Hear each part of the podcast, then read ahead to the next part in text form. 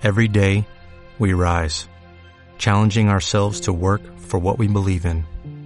At U.S. Border Patrol, protecting our borders is more than a job, it's a calling. Agents answer the call, working together to keep our country and communities safe. If you're ready for a new mission, join U.S. Border Patrol and go beyond. Learn more at cbp.gov/careers. Si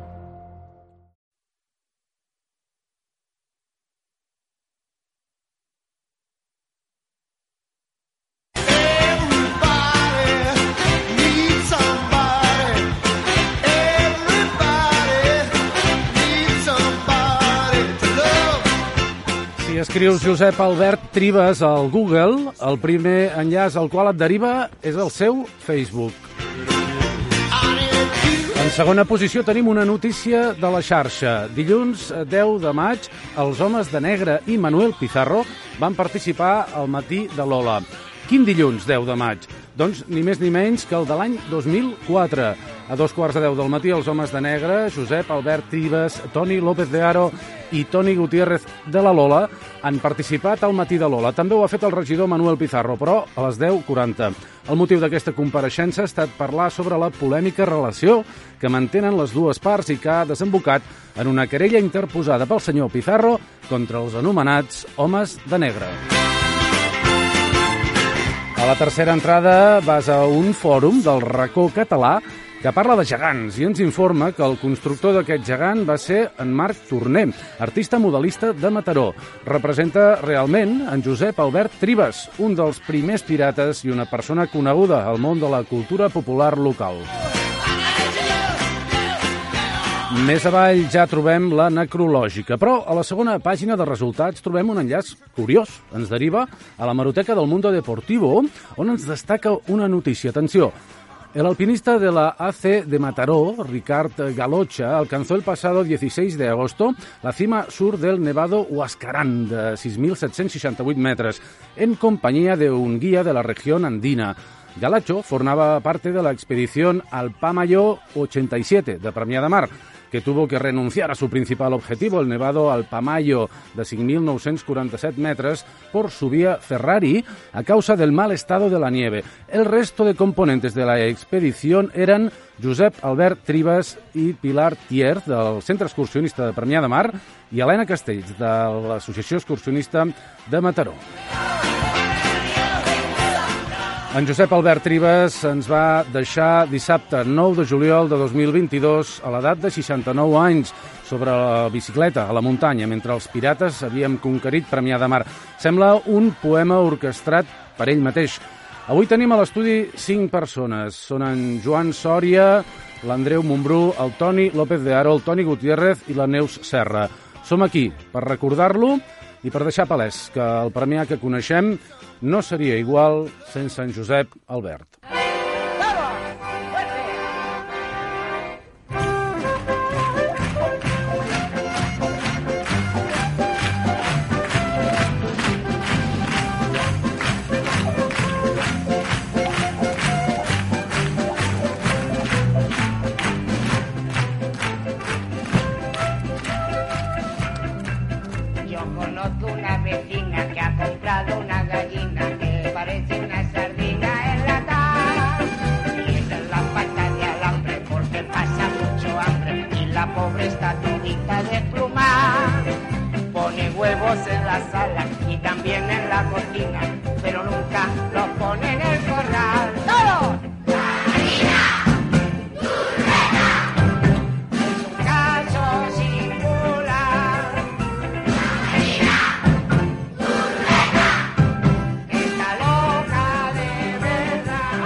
Ara sabrem per què sona aquesta cançó. Abans, però, saludo a les persones eh, que he presentat fa uns instants. Neus, benvinguda, hola. Moltes gràcies. Eh, Toni de la Lola, benvingut. Hola, bon dia. Josep López de Aro, benvingut també.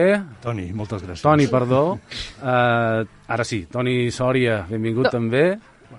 Joan, Joan Antoni Sòria. Sí, gràcies. Sí. Eh, si l'encerto ara sí, Andreu Montbrú, benvingut molt, tu també. Molt, molt bon dia, Miquel. Salut. bona.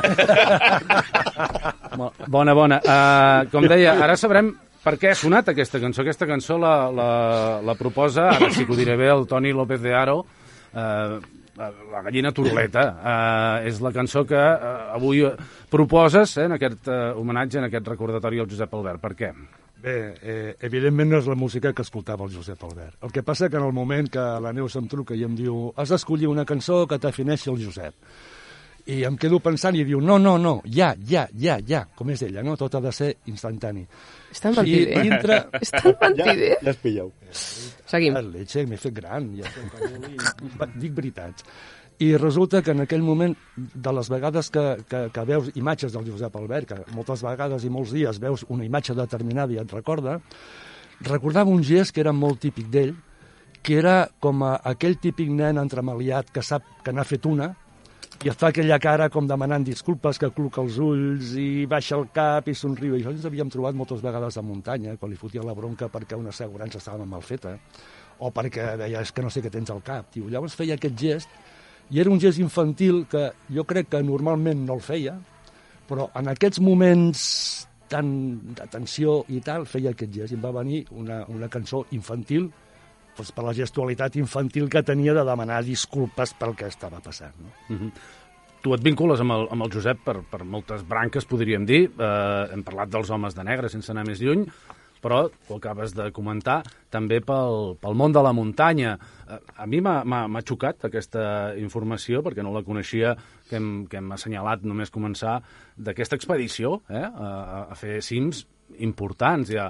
El Josep arriba a tenir una, una trajectòria doncs, en, en, en l'àmbit eh, de, de l'alpinisme prou important, amb mèrits com el que ens dius de les assegurances.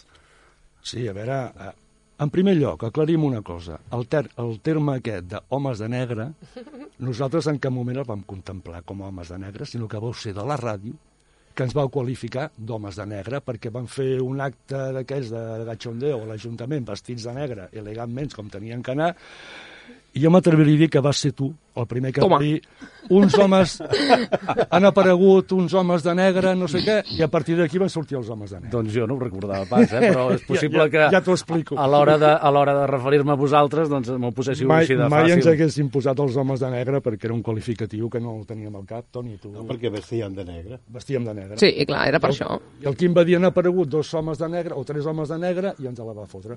Molt bé, moltes M'ho gràcies. vau eh? posar en safata tenia- de plata. Vale. I a la muntanya, doncs sí, el Josep eh, va començar quan nosaltres ja estàvem en- engegats, ja havíem fet l'expedició al Huascaran, amb, el, amb en Blei, amb la Roser, amb, amb la Teresa, amb el Ricard Galotxa. Ell feia motos, dedicava l'enduro, i se li va venir al cap de començar a fer muntanya. I bueno, doncs va haver una progressió tant d'escalada com d'alpinisme i tal, i va participar amb nosaltres doncs, a l'expedició al Pamir, que, que Ràdio Premier va tenir un, un punt important quan va passar el que va passar, i vau estar aquí a la ràdio fent guàrdia per conèixer notícies del que estava passant, que llavors el Tajikistan era Unió Soviètica. Eh, L'expedició doncs, també al, a l'Himàlaia, al, al Manaslu, i, i sí, sí, va, ha, ha tingut un, un recorregut alpinístic important, mm -hmm. està clar. Um, anècdotes com la, la que ens insinuaves relatives a la- a l'assegurança, la, però segur que amb, amb bastantes més. Segur que és un bon moment ara per, per recordar-ne alguna de bona. Home, a veure, anècdotes amb el Josep, qualsevol viatge, ni que sigui d'un dia al Pirineu, en podries fer un llibre. I hi ha anècdotes segons, segons com era ell, no? Eh, per la part, el Josep tenia una part escatològica que era brutal, i d'aquí hi ha anècdotes per escriure. Eh, però n'hi ha una, per exemple, amb el tema... Us explico una. Sí. Intentaré ser breu. Amb el que era tossut. Amb això estarem d'acord tots. Sí. Era Absolutament d'acord. tossut com una mula. Doncs un cap de setmana el tio se li va ficar al cap que teníem que pujar al, al pic de l'infern i teníem que muntar, fer nit, dormir al mateix pic del pic de l'infern. Jo li vaig dir, hòstia, tio, però ha de ser al mateix pic? Havia de ser a la punta del pic de l'infern. Bueno, vam enganxar. Eh, va ser un dia amb una, amb una ventolera, o sigui, una ventisca, un torb, que en diem, però brutal, i el tio encara dic, home, posem-nos en una part una mica reserada. No, no, no, no, no, havia de ser a la puta punta. Bueno, comença a desplegar la tenda, jo emprenyat com una mona, dient és que no aconseguirem ni desplegar la tenda, la, la tenda es va fer miques, es van trencar els pals, la tela, i llavors com marxem d'aquí, com trobarem el refugi si no veiem tres en un burro, bueno, perduts, vam trobar el refugi, hòstia, jo emprenyat com una mona i el tio com volguem dir, hòstia, se m'ha trencat la tenda, no sé què. I llavors, quan, quan anàvem a fer alguna ascensió, que jo sabia que la faríem perquè estava dintre de les possibilitats, sempre portava una ampolla de Mateus, perquè el tio era l'únic vi que bevia, era Mateus. I jo li portava una botella. I arribem al refugi, emprenyats com una mona, jo encara més, doncs, perquè no en tenia, perquè se l'havia ficat al capelló. Bueno, mengem quatre coses, trec l'ampolla de Mateus, el tio ja se li havia passat la bronca, i comencem a jugar al dòmino, tal. I arriba un moment que ja s'havia acabat l'ampolla de Mateus, que diu, hòstia, no acabo d'entendre com hem jugat més de 30 partides de dòmino i me les has guanyat totes. Llavors es va donar compte que li estava fotent les fitxes al revés. Però, clar, amb el Mateus que portava ni se'n donava compte. Llavors, clar, em patava de riure, la gent del refugi ens patàvem de riure perquè es va aixecar com, com era ell. Hòstia, què està passant aquí? I clar, llavors se'm va emprenyar, perquè tothom se n'enreia, de la seva tossuderia de plantar la tenda al pic a la punta del pic de l'infern. Aquesta n'és una, però Ens podíem imaginem que, explicar, que, que, que podíem explicar la nit de l'aeroport de Karachi, podíem explicar del Manaslu la relació amb els tibetans, la relació amb la gent del Pamir... A mi aquesta m'ha semblat absolutament il·lustrativa. Avui, a base de pinzellades així, anirem dibuixant eh, la, la figura de, de Josep Albert, com també, eh, d'alguna manera, dibuixarem la seva empremta amb el testimoni que, en, que, en, que ens han deixat altres persones que no són ara mateix aquí. Hem demanat la participació de persones eh, que també coneixien en Josep, eh, que ens contestessin què és el que mai oblidaran d'ell. Comencem amb el primer bloc d'aquests eh, testimonis, on tenim les respostes de l'Anna Alvareda, l'Aram Prades, l'Àngel Pagès i el Dani Canals. Els escoltem. El que més recordaré d'en Josep és segurament els mambos que ens cantava a la Penya Bogarde, també el dia que ens apareixia vestit de capellà. No sé, moltes coses. Moltes. El que més m'agradava del Josep Albert és el, el, la, el bé que s'ho passava tocant els collons i els pebrots a l'autoritat. Li encantava, li encantava fer mosquejar pues, el, el mossèn el dia de, de la recaudació de, de l'import revolucionari el dia de Sant Cristòfol i, i també amb la policia. Sempre que venia la policia ell tenia un somriure eh, maliciós i això m'encantava, m'encantava molt d'ell. Era molt, molt punky i estava molt per sobre de, de convencions socials. El que més recordo d'en Josep Albert, francament, vaya pregunta, em costaria molt dir-ho, perquè són tantes coses i era un personatge tan polièdric i tan present en la vida local que, mira, jo li recordo des de l última manifestació en què vaig coincidir amb ell, que es va presentar a Puigcerdà contra els Jocs Olímpics d'hivern, fins a una disfressa seva de James Brown amb una festa que van fer fa molts anys en el centre cívic i que realment va ser el més potent de la nit però també el recordaré per tots els mambos celebrant els gols del Barça en la penya Bogarde i el recordaré senzillament anant amunt i avall amb la bicicleta eh, per tots els angles possibles del poble i especialment de la plaça de l'Ajuntament. Eh, però és que, clar, què, què puc dir més, no? Vull dir, què més dir, què més dir que eh, el recordarem per la seva presència omnipresent en tots els racons de la vila i en tantes i tantes històries culturals, socials, polítiques, cíviques i sobretot divertides. El que més recordaré d'en Pep és que quan vaig arribar al poble va ser la persona que em va introduir en el teixit social i em va explicar històries de Premià de Mar que van fer que m'enamorés d'aquesta vila. Així mateix, també recordaré sempre d'en Pep, que és la persona que he conegut amb més capacitat de liar la troca volguda o voluntària i.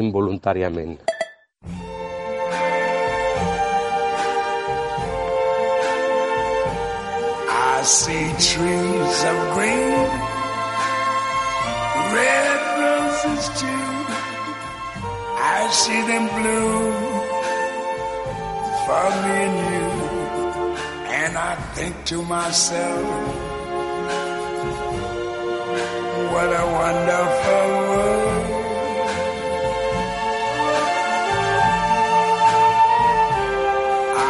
skies are blue and clouds are white, the bright blessed day, the dark sacred night, and I think to myself, what a wonderful world.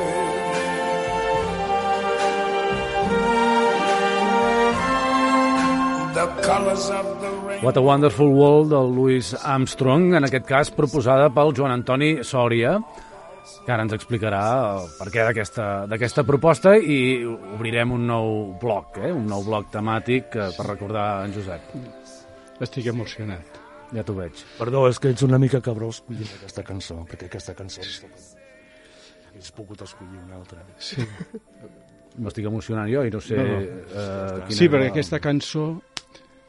Cleca. Va, sí, va sortir... L'he tingut sempre present, amb un abans, un abans i un després de... Va ser quan va morir el seu pare. Ell estava molt unit al seu pare i ens va venir a buscar que li busquéssim la cançó per, per reproduir-la al, al funeral. I ho vam fer. I jo és, és la primera vegada, i no sé si és l'última, que he vist el Josep plorar. Estava, i jo em va quedar... Oh, saps? No, un record, com veieu, absolutament sentit, eh, el del Joan Antoni Sòria, eh, que ens porta, doncs, mm, per la vinculació també del Joan Antoni amb el Josep Albert, però en aquest cas em fa l'efecte que amb tots els que som avui aquí, sou, bàsicament, no tant un servidor, a, a, a obrir un, un bloc troncal, podríem dir, com és el de la, el de la festa major. Eh? I aquí, ju- justament, Joan Antoni Sòria és algú que, eh, com a pioner, hauríem de dir gairebé, eh? i mm, pare ideòleg de, de l'actual festa major, i per tot el que va significar també el Josep Albert en, en aquesta festa major, doncs, eh, és, és un, un, una persona indicada per, per, per obrir aquest bloc. Gràcies. Eh, és, és ben cert, aquesta festa major no existiria, no existiria si no hagués sigut per, per, per aquest binomi, que és Josep Albert Toni López de Aro. És, són dos cares de la mateixa moneda. Han estat entroncats, fan una simbiosi que, que, que des d'anys, des de que érem pares de l'escola i que organitzàvem 50.000 bestieses perquè valia ens poséssim amb un sopar, un berenar, el que fos, de dir, pues anem a fer la travessa del pantà de Sau i, i, en, i en una setmana teníem... O sigui, hem viscut tantes emocions junts eh, a Can Jordà, a la masia d'en Pere Clarabuc, on fèiem unes festes que, que és que, se, a més, sense la bestiesa i les roqueries d'aquest parell de personatges no serien res de lo que ha sigut. Jo hem, hem, hem amat tot això tota la vida, els partits de futbol, eh, jugant, veure venir el Josep Albert amb la pilota, sense control era un suïcidi. I ser porter encara ho, ho era més. I anàvem, anàvem a totes i, i sempre després fèiem les festes. Hem, hem sigut eh, la intimitat de que, de que acabada la festa pugessin a casa i de cop es foten al llit amb la meva dona que es despertava i despertava i diu, cony, què feu aquí? no, no sé, intentant pujar a, a, a, la, a la finestra del, del Pere Clarabuc, aquest parell, i, i, i el, penjat el, el, el, el Toni el, per pujar, i, i el, perquè l'altre diu pujar al meus, a les meves esquenes, i una vegada se'n va i a més li baixa els pantalons. I en aquell moment passava la policia local amb el cotxe. Vull dir, eren 50.000 històries. Lògicament, amb els pirates Ara anava a dir, la, la festa major devia ser una mica la, la sublimació de, de, de, de, de tot aquest esperit que, que, que ens dius, oi? Sí, perquè a més va ser una festa major que va costar molt de- d'engegar-la, moltíssim. No va ser gens de fàcil, perquè no, una cosa és veure feta i una altra cosa tenir-la al cap i després els elements que necessites que no hi siguin, no? I sempre el recurs que mai fallava per qualsevol cosa era el tàndem Josep Albert Toni López de Aro. Neus. I una de les coses que també vull destacar de, de Festa Major, de, de, de, dels meus inicis, eh? I, i així, és que eren dues persones, tant, tant en Josep com en Toni, eh? que, mm, que eren una, uns autèntics uh, liantes, no? Uh, és a dir, però que alhora també s'enganxaven a la gent que la liava. Saps? És a dir, no eren, no eren els, uh, els... És a dir, no volien aclaparar totes les liades. Si tu proposaves qualsevol cosa, també eren grans uh, persones participatives dels altres. Grans còmplices. Exacte, sí. grans còmplices. I, I moltes vegades, jo recordo amb en Joan Rivet um, donar carn, no? allò, a veure, i si els diem això, a veure què passarà? I sempre deien que sí. Eren molt graciosos, perquè no tenien mai un no per resposta, i llavors, quan, com que era, diguéssim, uh, ajuda'm, era... bueno, és a dir, que nosaltres els dèiem que sí amb ells i ells ens deien que sí a nosaltres, llavors es generaven unes pilotes, uh, com diguéssim, molt importants. Jo ara encara, um, en aquesta preparació de la Festa Major del 2022, però sempre que he preparat una festa major, a mi em venen al cap moltes de les coses que em deien en el seu moment Antoni i en Josep. I recordo uh, el moment en què li vaig dir... Jo sóc una persona que a mi m'agrada que els actes vagin molt puntuals. Bueno, perquè penso que és de respecte a tota la societat premianenca, no? Que si em dic que començàvem a les 9, doncs comencem a les 9. I ells no ho veien tan així. I llavors aquí hi havia una mena de xoc. I jo recordo que una vegada en Josep em va dir Neus, fins que no arribem nosaltres, això no començarà. I vaig pensar que era una gran reflexió, perquè realment, evidentment, érem nosaltres els que portàvem l'acte i no- era impossible que funcionés, no? I que, ni que passés res. I des de llavors visc la puntualitat dels actes d'una manera diferent. I quan m'estresso per ser com sóc, penso en aquell moment que em van dir sense nosaltres no començarà, la gent s'esperarà. I, I ho visc molt diferent. I com aquestes coses me'n surten que podria escriure un llibre. Jo, sí. perdoneu, vull dir, vull dir una cosa. I tant, jo ara anava a dir que aquí Jo fem, quan, eh, fem roda quan- d'intervencions perquè el tema festa major em sembla que, que us toca a tots de, de quan, molt a prop. en el mòbil vull trucar a la Neus o WhatsApp, jo la tinc eh, identitat com a, com a criatura. Per Josep Albert i per mi, Sí, en aquell criatura. moment, la, la Neus era la criatura. I quan deies, escolta, hem de, hem de parlar amb la Neus, i dius, quina Neus? Hòstia, la criatura. I encara estàs com... la... I ara- encara ara- li dic criatura. Ara que dius això, a, a, a, la, a la inversa, si ell era una criatura i jo encara era, era més jove, i de fet me'n recordo el dia que us vaig conèixer, que era a través de la Neus, i a dir, hosti, acompanyo la Neus que tenia un sopar. I arribem al sopar i éreu tu i en Josep Albert. I jo vaig pensar, hosti, qui són aquests senyors? I són, qui són aquests, i són aquests senyors que són els col·legues de la... Amb qui va la Neus? No? que és la primera impressió de, de 17 anys i, i, i vosaltres com a referent absolut de... Però era una de- època que jo estic... eh, Jo De la festa jo i de les liades. Jo la considero que eren purament preadolescents. Sí, absolutament. Érem grans, però... Clar, és que estàveu vosaltres més a prop de la meva edat. Jo, jo, jo era un curs normal. Mentalment érem preadolescents, jo ho reconec. Però és que en, en Josep ho té això, no? Vull dir que, de fet, és per això s'ha, penso s'ha estat sempre al costat de la gent jove, no? Vull dir, sempre repetidament, eh, cada cop que hi ha hagut eh, gent jove amb ganes de fer alguna cosa, fos, fos en el seu moment la festa major, fos amb Can Sant Pere, fos amb la crida en el seu moment, fos amb tantes altres coses, no?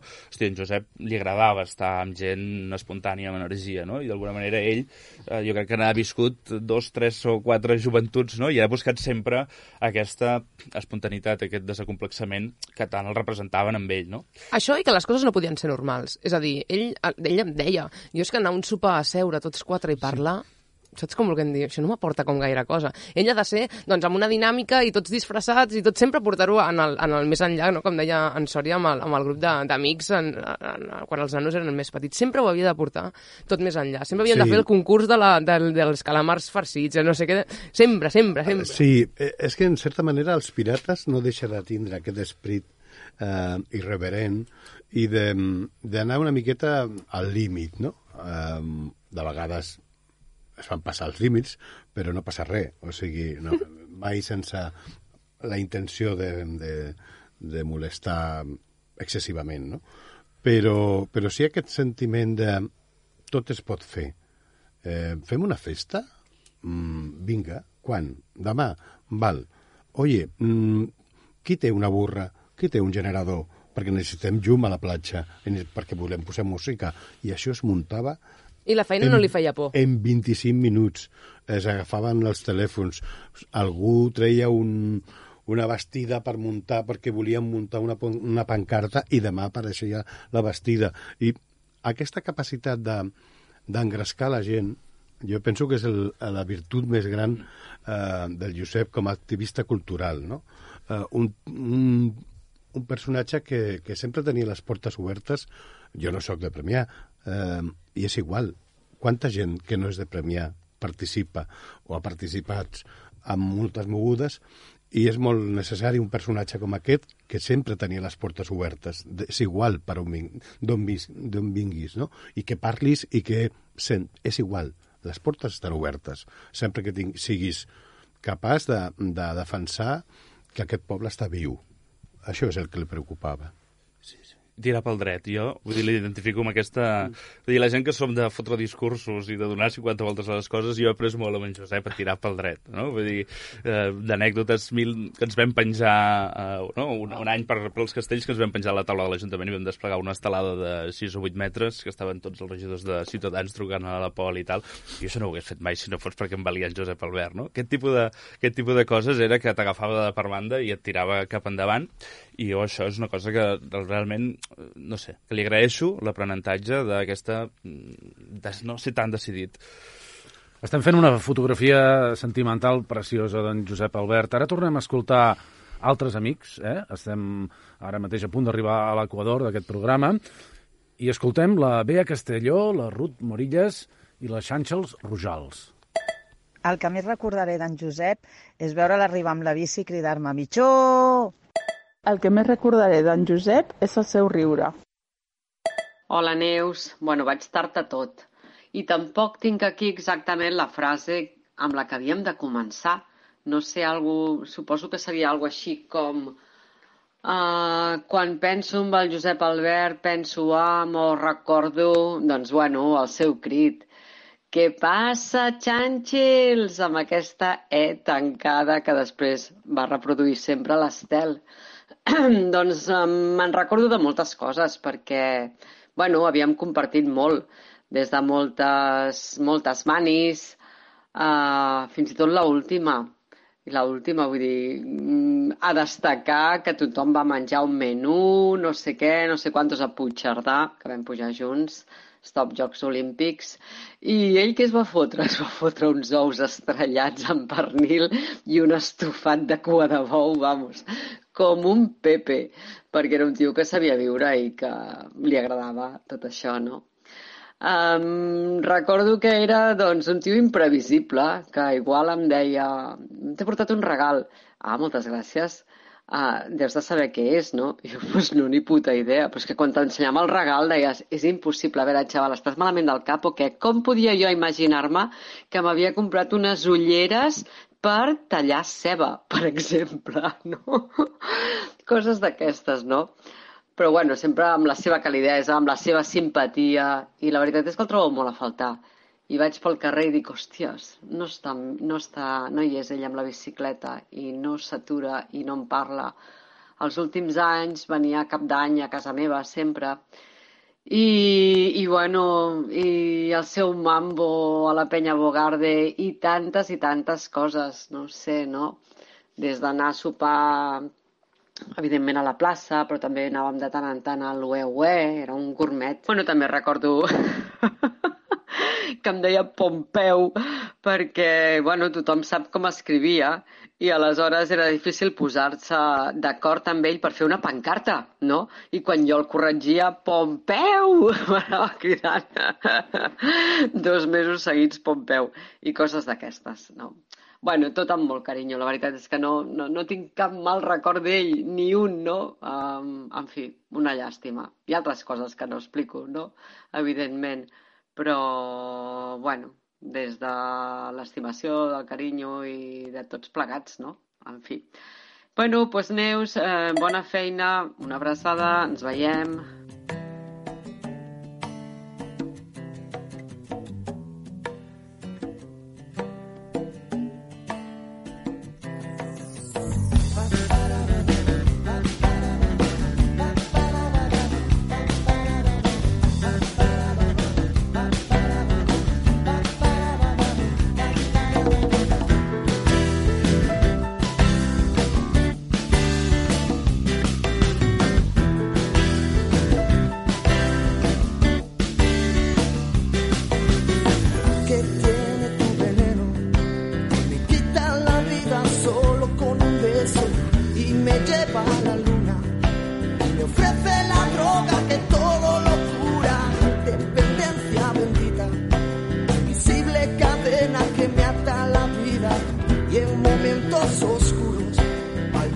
I aquesta la triada la Neus, Rojitas les orejas, el teu torn, Neus. Doncs mireu, he tret aquesta cançó perquè mm, crec que...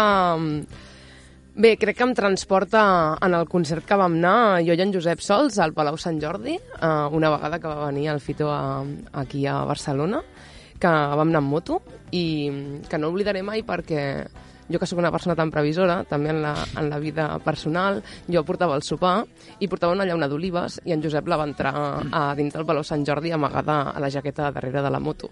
I eh, ell només estava preocupat perquè si ens enganxàvem... Ell esta... no estava preocupat per res. I jo només estava preocupada perquè si ens enganxàvem, quin ridícul que ens enganxin entrant, intentant entrar. No una llauna de cervesa, sinó una llauna d'olives. Però no va passar res i ens la vam poder menjar dintre.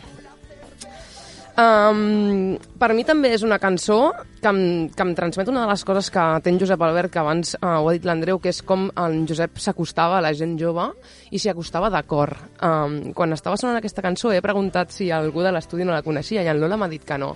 I una de les coses que a mi em passava amb en Josep és que tot el meu món passava a ser el seu món de veritat i que escoltava la mateixa música que escoltava jo, ja no perquè li gravés els CDs o així, sinó perquè realment li agradava. I això jo crec que mm, generava una, una tranquil·litat i una confiança eh, molt sincera amb la gent jove i llavors no hi veien, diguéssim, ningú, no sé, no us diré interessat o, o, o fals, impostat, exacte. I, I la música era una cosa superimportant per en Josep i amb, amb persones, bueno, amb, o amb artistes com en el seu moment, com era la Bede, que ara, evidentment, ja no me l'escolto, no? però en aquell moment um, estava molt de moda i ell sempre estava a la moda. I feia i intentava fer que tot el poble estigués a la moda. No sé si recordeu els concerts de l'Amistat. Um, per mi va ser una gran font d'ingressos perquè jo penjava els cartells de, de tots els concerts i era el, el meu correle mm, abans de ser major de, de 16-17 anys. Però um, en Josep s'esforçava moltíssim per portar gent de molta categoria a un lloc que ocupava mm, 20 metres quadrats com era el vestíbul de l'Amistat, que ningú hi donava un duro, que l'Ajuntament no hi invertia ni per mal de morir i que va ser actiu fins que van uh, fer que l'Amistat estigués en obres aprovat per una junta de l'amistat que jo crec que se l'estimaven i l'odiaven pel mateix, amb el mateix equilibri, no? Perquè, perquè generava coses molt, molt interessants, però també, com dèiem abans, fotia unes liades um, també uh, molt importants i tenia aquell punt anàrquic, no?, que explicava la meitat de les coses que feia o no faria. Per mi els concerts de l'amistat, i en el seu moment l'amistat, quan, diguéssim, entre cometes era nostra, no?, quan la portava o la regentava el, en Jaume, i, i era una dinàmica d'anar-hi a, dinar, a sopar cada divendres, aquells entrepans de, de, de botifarra, um, i aquells carnavals. Recordeu els carnavals? És a dir, jo recordo que la, aquell cafè per decidir quina era la temàtica del carnaval, que, nois, uh, és a dir, miro els tonis, uh, ho decidíem amb un cop de pitxa, perquè era, què, què fem aquest any, al circ? No, bueno, no sé què, tant, no, fem les pel·lis? No, joder, tio, sempre fem el mateix. No. Bueno, va, doncs fem a música dels anys 80. I llavors feies un cartellet, música dels... I tothom super preocupat per la música dels anys 80, pensàvem, però si, si és igual, no? Perquè to- to- voten de tothom, si no hi ha ni concurs, no hi ha ni res. I tothom disfressat de, de la música dels anys 80. I ell el primer, no? Um, per mi el, el moviment que ell va generar l'amistat és una cosa que després vaig trobar molt a faltar perquè penso que realment generava molt poble i per mi el colofó va ser el tancament de l'amistat i quan vam um, quan vam organitzar el, el comiat de lo que és l'amistat el que en teníem llavors, on vam organitzar una subhasta de tots els uh, uh, elements, que jo encara tinc una butaca a casa i es van aconseguir més de 2.500 euros amb un, amb un acte que va durar 4 hores i que la Junta de l'Amistat ens mirava com si nosaltres estiguéssim majares i vam triomfar. Um, L'amistat és un altre espai que per mi, mm, quan entro allà, sempre el recordaré amb ell. Té, té equivalent actualment un, un espai d'aquest tipus? Mm, potser l'hem de trobar a Can Sant Pere, aquest, perquè, òbviament, l'amistat actual no, no, no manté aquest eh, eh, No, ha perdut, això és una cosa que, és que hem perdut en aquest poble, que és l'esperit popular de l'amistat. No? Sí. Realment era un espai, recordo perfectament el, això, entrar els gegants a dins, aquell ambient que hi havia en, el, en un bar popular, que això ho hem perdut, i sí, segurament l'equivalent és Can Sant Pere. Per això en Josep el, el podies trobar en l'amistat quan era així i després trobar-lo a Can Sant Pere, no? segurament. Sí, sobretot suposo que la primera fase de Can Sant Pere, abans del primer desallotjament, on, on realment la, la, la Can Sant Pere estava molt més um, construït per poder-hi fer coses així, ell era el primer que qualsevol acte hi volia posar música en directe.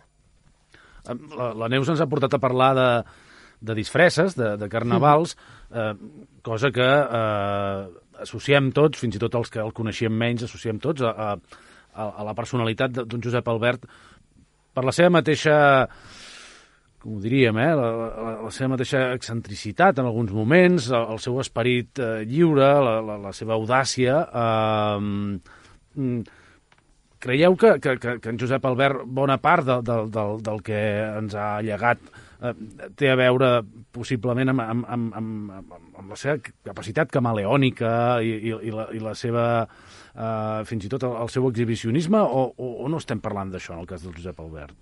Jo diria que era un catxondo i un bandarra sobretot, no? I que Sí. això, per això tothom, vaja, per això el recordem, no? també jo crec per això aquesta, no sé, aquesta sensació entranyable, aquesta estima també, perquè, bueno, una persona amb qui tu passaves bé. Jo crec que això és, és però un element m'atreviria a dir que essencial. No era en cap cas un exhibicionista, no, no m'ho sembla a mi, almenys. No. No, i abans que deia en Sòria, que deia de veure'l plorar, era una, jo, Home, jo el home. recordo una persona lleial i molt emotiva, també. Jo sí, jo l'he vist Josep, eh? plorar moltes Jo l'he vegades. vist plorar molts cops, també. Moltes Josep, vegades. Emocionar-se molt Si fàcilment, més no, de Una gran, persona- moltes vegades. Sí. Anton, no sé què deies, Toni? Anaves a dir... No, no, no, que exhibicionista, eh, tal com ho descriveixes, no? No, no, en absolut. Eh, podíem ensenyar el cul a la plaça de l'Ajuntament, però això no és així, aquest tipus, aquest tipus d'exhibicionisme. Eh, jo és penso que, que... Ho dic perquè a vegades associem aquest, aquest Sí, sí, perfil, per- aquest perquè- perfil a, a, a, a, a, a, doncs això, eh, a, la, a la figura més exhibicionista, de cridar l'atenció, però No. No. a mi la, la, les vibracions que em transmetia el Josep eren, eren del tot allunyades. No, això sí, sí, sí, si era, era a tot si, humilitat. Sí, sí, si et pares a pensar, eh, tant el Toni com jo van tindre experiències eh, eh, polítiques, Político-mística. polítiques, eh, i Josep sempre va ser-hi darrere. Mai va voler durar el pas de dir, val, com jo, i, i sé positivament, perquè ho van parlar, que molta gent li havia tirat la canya per dir-li vine, vine, uh, perquè era un personatge molt conegut i és un personatge que podia haver arrossegat a molta gent. I mai va voler eh, ser-hi davant. Ell s'ho passava bé darrere s'ho passava bé, a- això, amb un entorn com era els pirates, que, estaven, que col·laboraven i participaven amb l'Ajuntament, però no era de l'Ajuntament. No formava part de l'estructura, perquè justament el que no li agradava al Josep Albert és tindre estructures. Mm. Eh, eh, I fèiem els concerts de l'amistat amb el que ho pagava la Junta de l'Amistat, amb una molta voluntat, i sé que n'hi havia gent que no li feia ga- gaire gràcia, que de vegades metíamos la pata y de, de, de pronto traíamos un grupo de ska que montaba un cipostrio en la carre, el carrer Sant Antoni, que, que dèiem, me parece que ska no volvemos a traer. Uh, però però això fora de l'Ajuntament, fora de l'estructura municipal, que has de demanar un permís, que has de presentar una instància... No, no, nosaltres no érem... mm, Amb totes les mogudes, les instàncies no existien. I ell no feia les coses per ser el protagonista ni perquè la gent es en parlés no, no. d'ell. Mai, mai. No És era, dir, no era donar la nota per ego, és No, que és així. és que- exacte, Pura naturalitat exacte. i espontaneïtat. I per això se li perdonaven coses que una altra persona no se li podrien perdonar. I, i, per perquè això, és que era... I per això en gran mesura Tal som qual. avui aquí. Sí, hi, ha, hi, ha, exacte. hi ha una paraula que heu dit abans, em sembla que ha sigut tu, Andreu, que deies eh, polièdric. O has dit tu, en Miquel. En Miquel. Llavors el tema és de que, el que estàveu parlant, jo crec que el, que el Josep no tenia màscares. Era com era en cada circumstància. I jo he tingut relació durant molts anys i he vist moltes facetes del Josep. I he vist la faceta humana, he vist el Josep preocupat, per exemple, a muntanya per la seva família, per si passava alguna cosa per la situació que ho havia deixat, i, i el veia que estava tocat. És una faceta humana que sempre estem de, amb el Josep Albert, Gachondo i tot això. Té la seva faceta gatxonda, perquè si volies buscar el, el, el Josep Albert al camp base o qualsevol camp d'alçada, el tenies que anar a buscar a les tendes de, dels xerpes que estan patant-se de riure i l'única paraula que sabia dir en anglès era be careful. Però amb aquesta paraula anava tot arreu. Per altra banda, no sé, jo el, el vaig veure plorar quan van tenir l'accident aquell al Pamir, al costat de, de, de, bueno, de, de, del company, i que jo penso que va ser l'únic que realment va estar plorant tota una tarda i els altres era com dir, hòstia, vaya putada, però no, el tio estava allà destrossat. I també el veia, doncs, per exemple, quan veiem tota la, la, la, la rua de gent, aquella que va pujant la muntanya de gent carregada amb els pequets, i veia els nens carregats, i llavors hi venia tota una reflexió sobre eh, la pobresa, sobre la necessitat, sobre la família, sobre l'estructura, la desestructura i tal. O sigui que... I quan feia el cachondeo no era per, per fer-se veure, no, és perquè ell era així. I llavors jo veig que és un tio que tenia moltes facetes, com tenim tots, però totes les portava al màxim. Quan sentia, sentia, quan disfrutava, disfrutava, i quan la gent reia, eh, feia carcajades, ell es pixava. Jo, una, una, només una, una cosa d'això que deies, uh, Lola. Uh, ell sempre deia que havia sigut en algun moment president de Convergència. Això sí, és un dubte, un dubte que sempre, que Sí, sempre sí, em quedarà, sí. que no Sí, sé sí. si era una, les memòries, una de les les coses, una de les coses que s'inventava o és veritat. Però en tot cas, això que deies de la de figura d'estar a primera línia, deia que en algun moment havia sigut president No, de això- Convergència. això és veritat. I només vegades- algú com en Josep pot haver estat també president quan, de Convergència. quan els bivacs que fèiem a muntanya, allà, sentats en una repisa, m'estava explicant tota la seva història de l'MDT i no Sí. sé què, i la lluita i la lliberació nacional, deia, sí, collons, això que et ve de Convergència o que... Ja callava com volguem dir, joder, em tens que treure, em tens que treure un passat que no vull ni recordar. Continuem, ara escoltem de nou persones que no ens acompanyen aquí a, a l'estudi, però que també han volgut eh, deixar el seu testimoni, el seu record sobre en Josep. En concret, escoltarem l'Anna Torner i la Júlia Viedma. Doncs posats a recordar, si pensem en el Josep Albert, eh, quan jo penso en el Josep Albert, eh, em remonto a la meva infància i els dos records que tinc d'ell són bastant divertits i mm, emotius.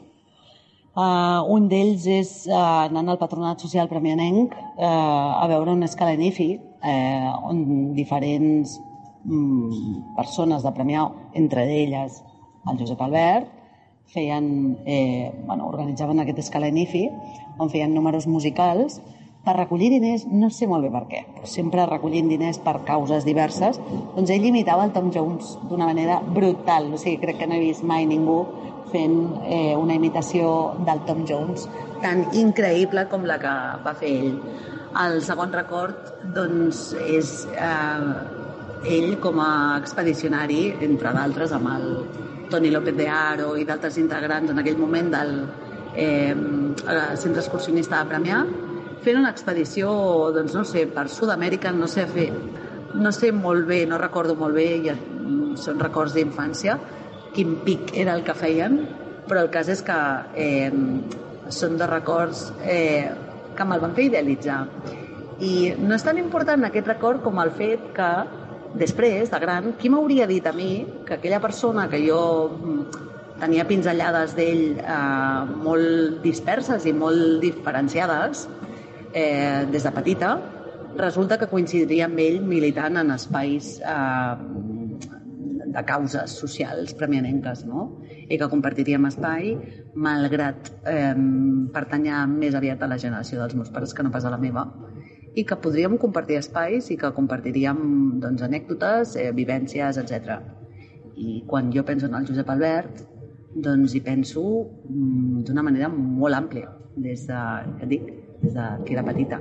El recordo de ben petita, no d'ara, no, no és el present, sinó que me'n vaig al passat, eh, perquè que, aquesta persona, aquesta personeta, que és ell, ja hi era. Llavors ja hi era. I jo era molt petita, 9-10 anys. El que més recordaré d'en Josep Albert és com me'l trobava per la plaça i des de lluny em cridava «Ketchup!».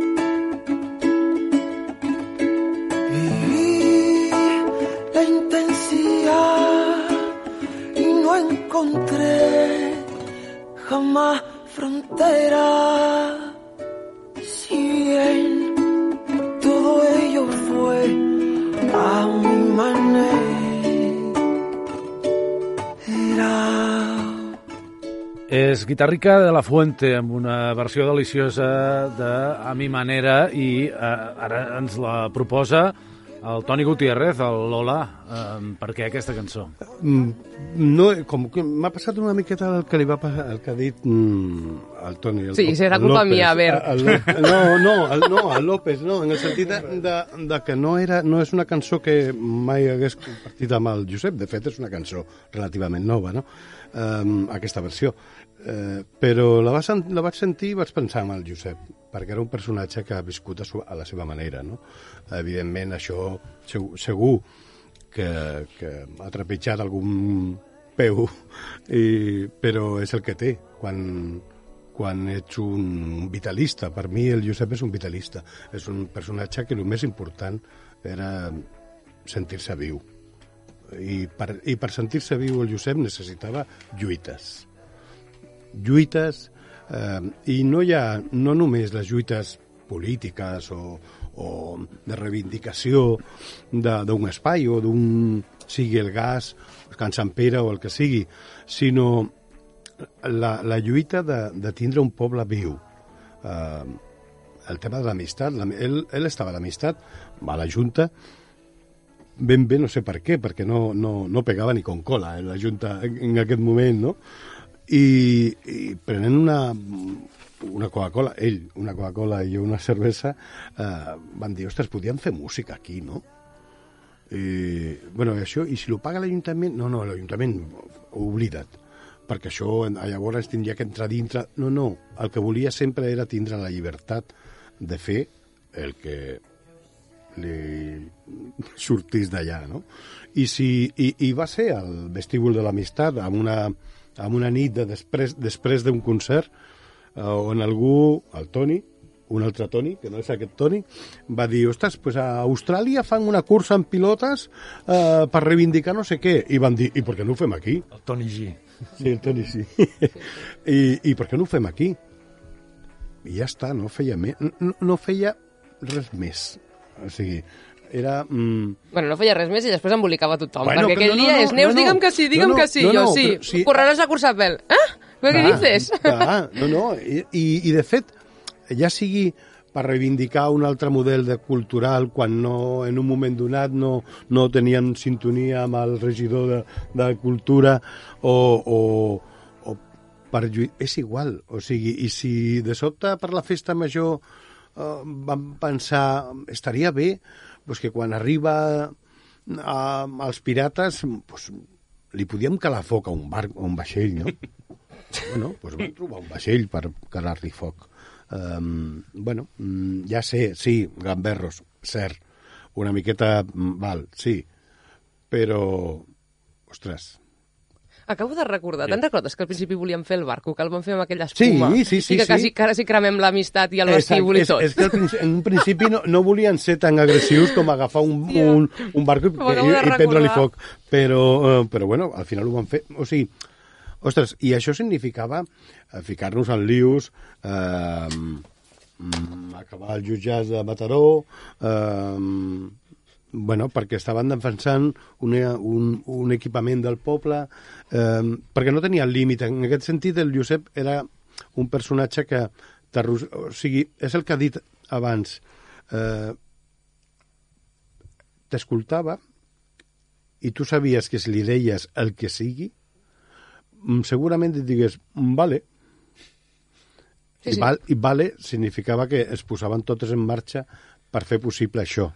S'ac- S'activava una mica una bomba de rellotgeria en el moment Absolutament, d'aquest, o sigui, te'n- sorties de casa amb una idea i li deies, Josep, podíem fer... I la perillositat d'en Josep era que si ningú li seguia el rotllo, ell ho feia igualment. Ah, no, sí, sí, sí, però... però... Perquè aquesta era la perillositat màxima d'en Josep. Ah, però mm, també és veritat... Buscava que- còmplices, per això sempre. Sí, però eh? si no els trobava... Clar, sí, però al final dius, uh, ostres, mm, coses que avui en dia pues, d'entrada no serien ni legals ni ben vistes. Però- Uh, Josep, mm, què et sembla si uh, els pirates que són tan gamberros, ostres, podíem fer un bidon de caipirinha i emborratxar tothom? Vale, vale. I ell era abstemi, eh? Sí, sí. Vale. La cosa era fer comunitat. de Vale, fer o sigui, caliu. eh, estava, eh, tenia aquesta capacitat de, de tindre les, les orelles obertes perquè tothom que li proposés algo que aportés vida al poble, ha de dir-li que sí. I aquesta era també bastant la part, la part inconscient. Sí, sí, absolutament. Li deia. Absolutament. Per exemple, ell podia proposar una cosa, estàvem fent un cafè i proposava, doncs, no sé, una cosa, no sé, la platja nudista. O pujar a la xamanella de la Lió per muntar una pancarta i tal. I ell ja ho tenia clar. Ell era acció directa, dit el que dèiem de l'acte. Sí, sí, sí. Ell era acció directa. Acció Però llavors, clar, hi havia gent que teníem que pensar a veure com ens en sortiríem d'aquell dia que La- havia la- tingut. la logística del Clar, tema. I dir, bueno, però per això necessitem això, això, això, i després si ens enganxa, si ens enganxa la policia, haurem de dir, haurem de fer, haurem de no sé què, no sé quant. Això amb ell li bufava.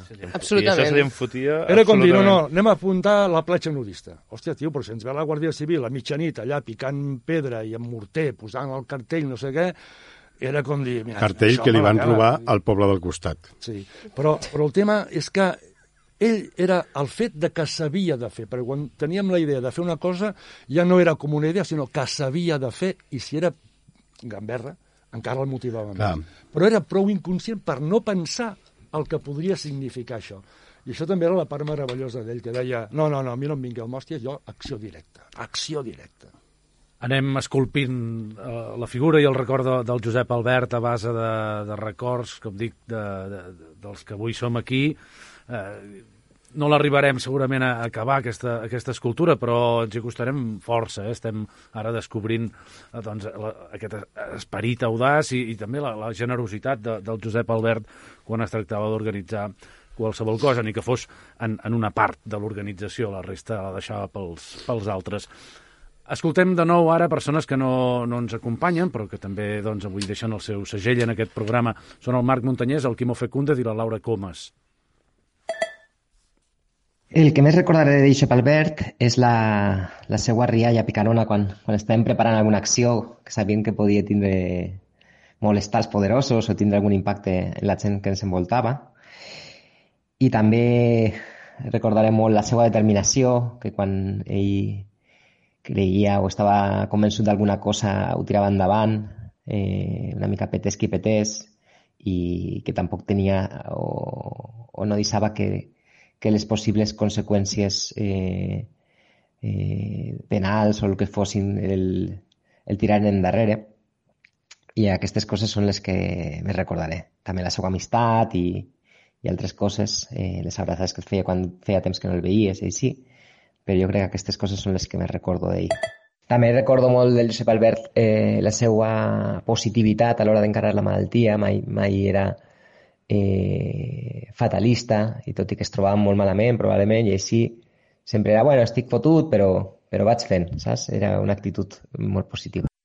El que més recordaré d'en Josep, sóc el Quimó, és les seves ganes de viure i de tirar endavant en tot el que es proposava uh, i d'ajudar el que pogués i irradiava una energia i unes ganes d'activar-se tremendes. Llavors era molt bo amb això. Era un tio especial, eh, però va, va, una persona d'aquestes que et deixa, et deixa una taca per sempre. D'acord? Sento molt que se n'hagi anat, de veritat. Adéu, bon dia.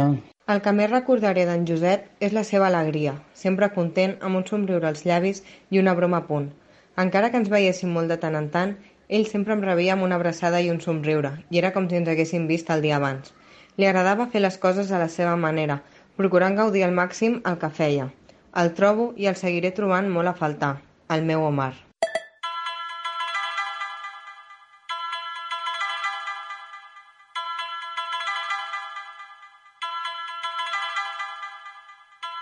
Com definiríeu el concepte de centre social autogestionat? Doncs bé, un centre social autogestionat vindria a ser un espai on les entitats i els premenencs poden fer-hi vida, poden fer-hi les seves activitats, desenvolupar-hi eh, doncs un entorn participatiu a Premià de Mar, que no és, un espai, no és un espai gestionat ni per l'Ajuntament ni per una empresa privada, sinó per les entitats i pel poble que hi participi. Poble que hi participi. Poble que hi participi. La brutícia Ja fa prou anys que s'apodera d'aquesta merda. Hem renunciat uns quants a la seva doctrina que ens desquícia. Hem ajuntat justícia i democràcia i hem consensuat una lluita antirepressiva. Lluita clau pel futur de la nostra família i de la nostra gent. Avui és un gran dia. Sant Pere s'aixeca! Ok. Força! Necessitem gent amb força! I que ningú els pugui torçar! De corsa, de poca, picaràs desprenguin de l'escorça i sembla que els descossin l'ànima, però el cor d'una fàbrica Doncs això que sentíeu, que a més a més incorporava, podríem dir, un, un document eh, àudio eh, d'aquesta casa, de, de Ràdio Premià de Mar, de fa ja alguns anys, és la Soul System i és l'aportació musical que ens fa avui l'Andreu Montbrú. Per què, Andreu? 3, eh, no, 3, 4, 13, que és la data de la primera ocupació de, de Can Sant Pere i que jo crec que és una cançó que, que il·lustra bastant aquests últims anys d'en de, de, Josep, de compromís amb, amb, amb més potser polític, amb, amb determinats moviments de, del poble.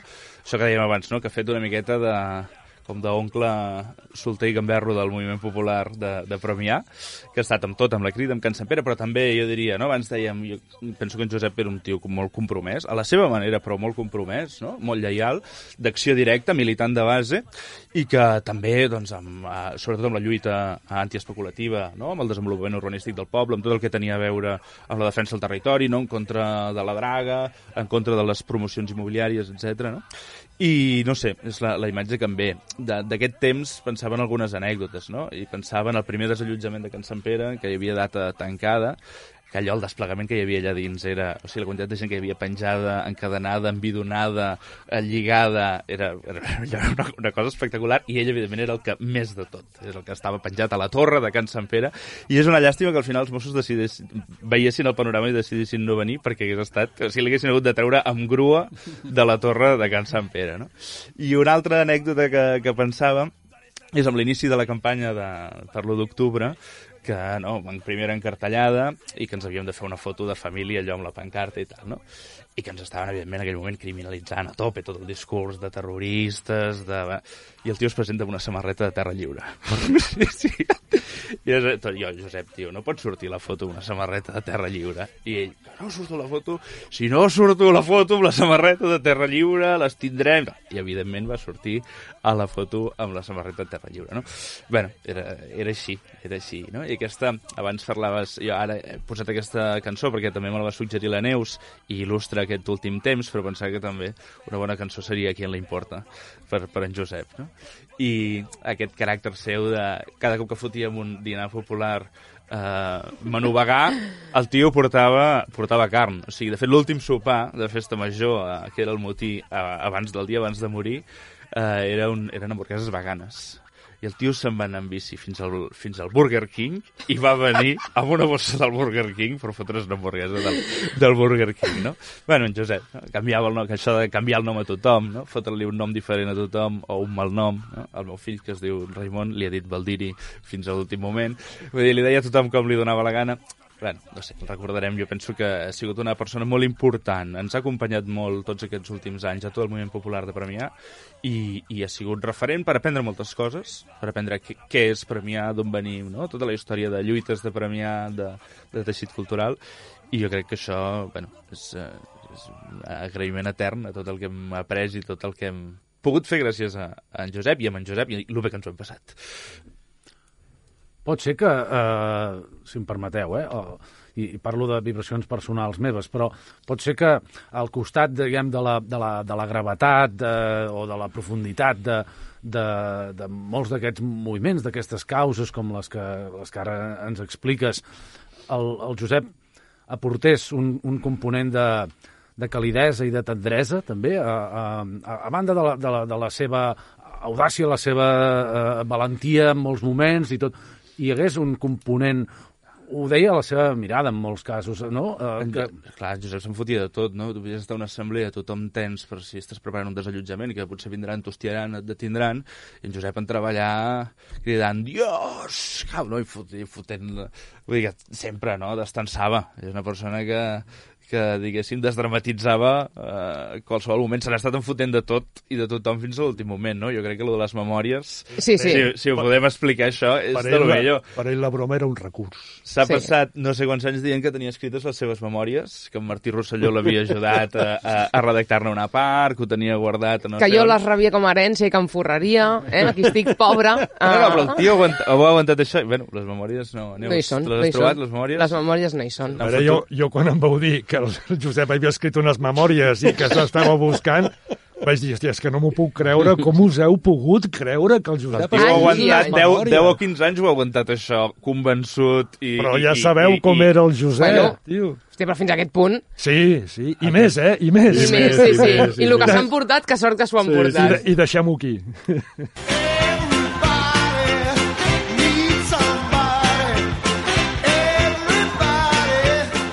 Amb el teu permís, Quim, i per tal de donar-te un agraïment sincer, acomiado aquest programa donant les gràcies a la casa, a Ràdio Premià de Mar, per haver-nos deixat aquest espai, a en Carles Soler, que el tenim als controls, a tu, Quim Aguilar, per haver-nos conduït al programa, a totes les persones que han col·laborat amb els talls de veu, i a vosaltres quatre, Andreu, Lola, Toni i Sòria, per ser aquí.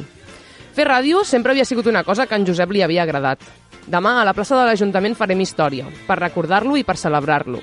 Ell volia que féssim aquesta festa el dia que es morís, i serà una ocasió fantàstica per estar tots junts, gaudir-nos i acabar amb pilotes i fent un bany al mar. Sempre seràs amb nosaltres, Josep. Moltes gràcies a tots. I recordeu, si aneu a mar, guardeu bé la roba.